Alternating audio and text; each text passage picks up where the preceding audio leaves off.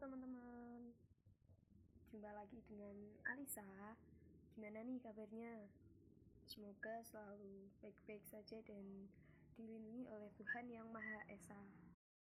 Di episode ini saya akan membacakan cerpen yang bercerita atau isinya tentang sudut pandang agama dari sisi yang lain atau uh, saya menyebutnya sebagai penyegaran dalam memandang sebuah agama atau suatu agama seperti itu nah langsung saja saya akan membacakan cerpennya jadi cerpen ini berjudul Membakar Surga Menyiram Neraka karya Rusdi Matari dari bukunya yang berjudul Merasa Pintar Bodoh Saja Tak Punya. Oke, langsung aja ya. Selamat mendengarkan. Membakar surga, menyiram neraka. Karya Rusdi Matari.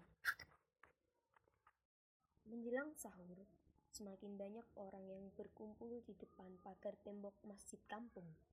Orang tua, anak-anak, laki-laki, perempuan, jadi satu. Mereka menyaksikan Cak Delahum yang terlihat berlari bolak-balik di jalan kecil di depan masjid. Dia melakukannya sejak habis tarawih dan orang-orang kampung tak percaya Cak Delahum akan berlari selama itu. Keringat mengucur deras di sekujur tubuh Cak Delahum. Mengalir dari rambutnya, menetes ke hidung dan pipinya. Napasnya terdengar ngos-ngosan. Dia tak peduli menjadi tontonan orang-orang dan terus berlari. Dua tangannya juga bergantian memegang obor bambu. Dari mulutnya terdengar celaka, celaka. Ketika waktu sahur digantikan subuh dan orang-orang mulai sholat di masjid, Cak Delahum tak berhenti berlari dengan obornya. Ketika jemaah selesai sholat dan mulai terdengar berzikir, dia malah mengencangkan suaranya. Celaka, celaka. Suara itu seolah sengaja diarahkan ke masjid. Dan memang setiap kali sampai di depan pagar masjid, Cak Delahum menoleh ke masjid sambil berseru, celaka itu. Mat Piti yang sejak malam sudah tahu dan melihat tingkah Cak Delahum, akhirnya tidak tahan juga. Turun dari masjid, dia menghampiri Cak Delahum dan mengajaknya pulang. Cak Delahum tumben nurut. Mungkin karena dia juga kecapean. Dan di sepanjang jalan menuju rumahnya, Mat Piti mencoba bertanya pada Cak Delahum. Ada apa lagi, Cak? Kok setiap hari kayaknya ada masalah? Orang-orang di masjid itu celaka, Mat. Mereka beribadah loh, Cak, bukan mencari celaka. Mereka celaka, Mat. Sholat dan beribadah kok celaka? Gimana sih, Cak? Tidak ada perbuatan baik yang diancam neraka, kecuali sholat, Mat. Iya, Cak, sholatnya orang-orang yang lalai. Nah, pinter kamu. Tapi kita kan tidak tahu apakah mereka lalai atau tidak, Cak. Siapa sih yang memelihara Sarkum, anaknya almarhum Bunali? Kan ada ibunya, Cak. Istrinya Bunali kerja apa, Mat? Pembantu di rumah Pak Lurah, Cak. Sarkum tidak melanjutkan sekolah karena ibunya hanya pembantu. Dia juga terjerat utang dan kamu tidak tahu kan, Mat? Dia kan dapat upah dari Pak Lurah, Cak. Mereka hidup kekurangan, Mat dan para tetangga hanya sibuk beribadah di masjid. Beribadah kan wajib, Cak. Oh, tentu saja. Tapi ketika beribadah, sholat itu apa sebetulnya yang kamu harapkan, Mat? Ya surganya Allah, Cak, dan berlindung dari nerakanya. Terus setelah kamu mendapatkan surga, kamu akan apakan anak Bunali dan istrinya? Setiap orang kan bawa takdirnya masing-masing, Cak. Itulah masalahmu, Mat. Masalah gimana? Kan wajar, Cak. Wajar menurutmu, Mat. Lah terus? Karena kamu beribadah, sholat, puasa, berzakat, dan berhaji. Lalu, apa kamu merasa berhak atas surga? Seharusnya begitu, Cak. Mat, surga dan neraka itu makhluk, tak pantas kamu harapkan. Maksudnya, Cak, derajat surga dan neraka itu lebih mulia dan lebih teruk darimu. Ya gimana ya, Cak? Andai pun engkau berhak terhadap surga atau malah berhak atas neraka, tempatmu di sana tidak akan berkurang oleh apa pun, termasuk oleh ibadahmu.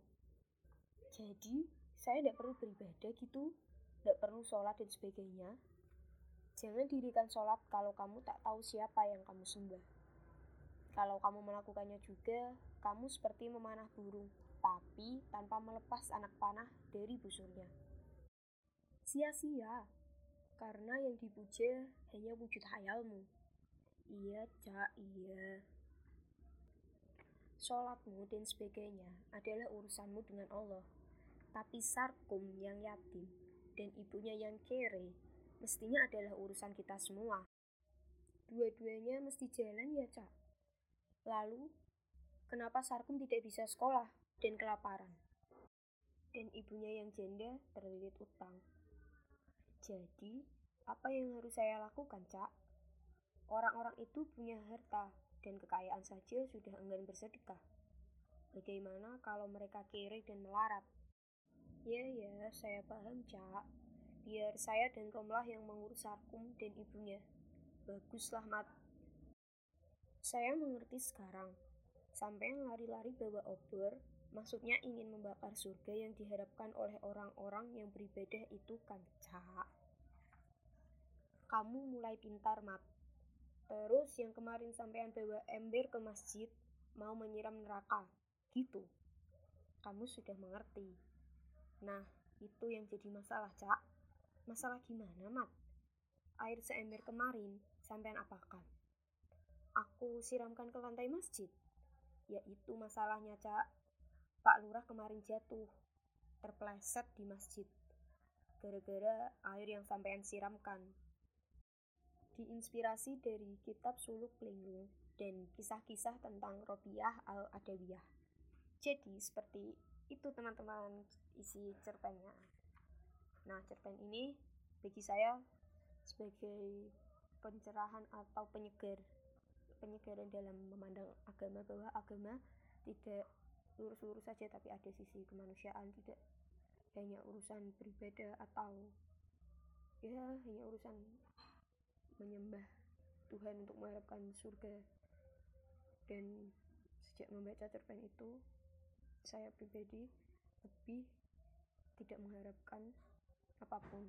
Saya hanya melakukan versi terbaik dari diri saya nah di uniknya di cerpen ini setiap bagian cerpennya di buku ini maksudnya ada bagian yang ditulis satu halaman sendiri itu bagi saya seperti intisari atau kuatlah orang-orang menyebutnya seperti itu.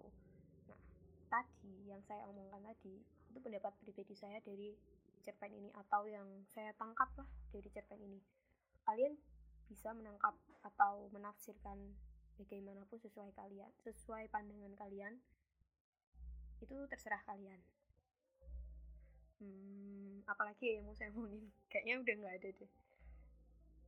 Yaudah ya, cukup segini aja dan pendapat saya tadi jangan terlalu dipikirkan lah saya hanya mengutarakan apa yang saya tangkap atau isi hati lah kata orang-orang anjay hmm, teman-teman boleh berpendapat lain itu terserah dan ya terserah semoga apa yang saya bacakan mendatangkan manfaat bagi teman-teman dan saya sendiri selamat melanjutkan aktivitas dan Terima kasih telah mendengarkan. Semangat, sampai jumpa.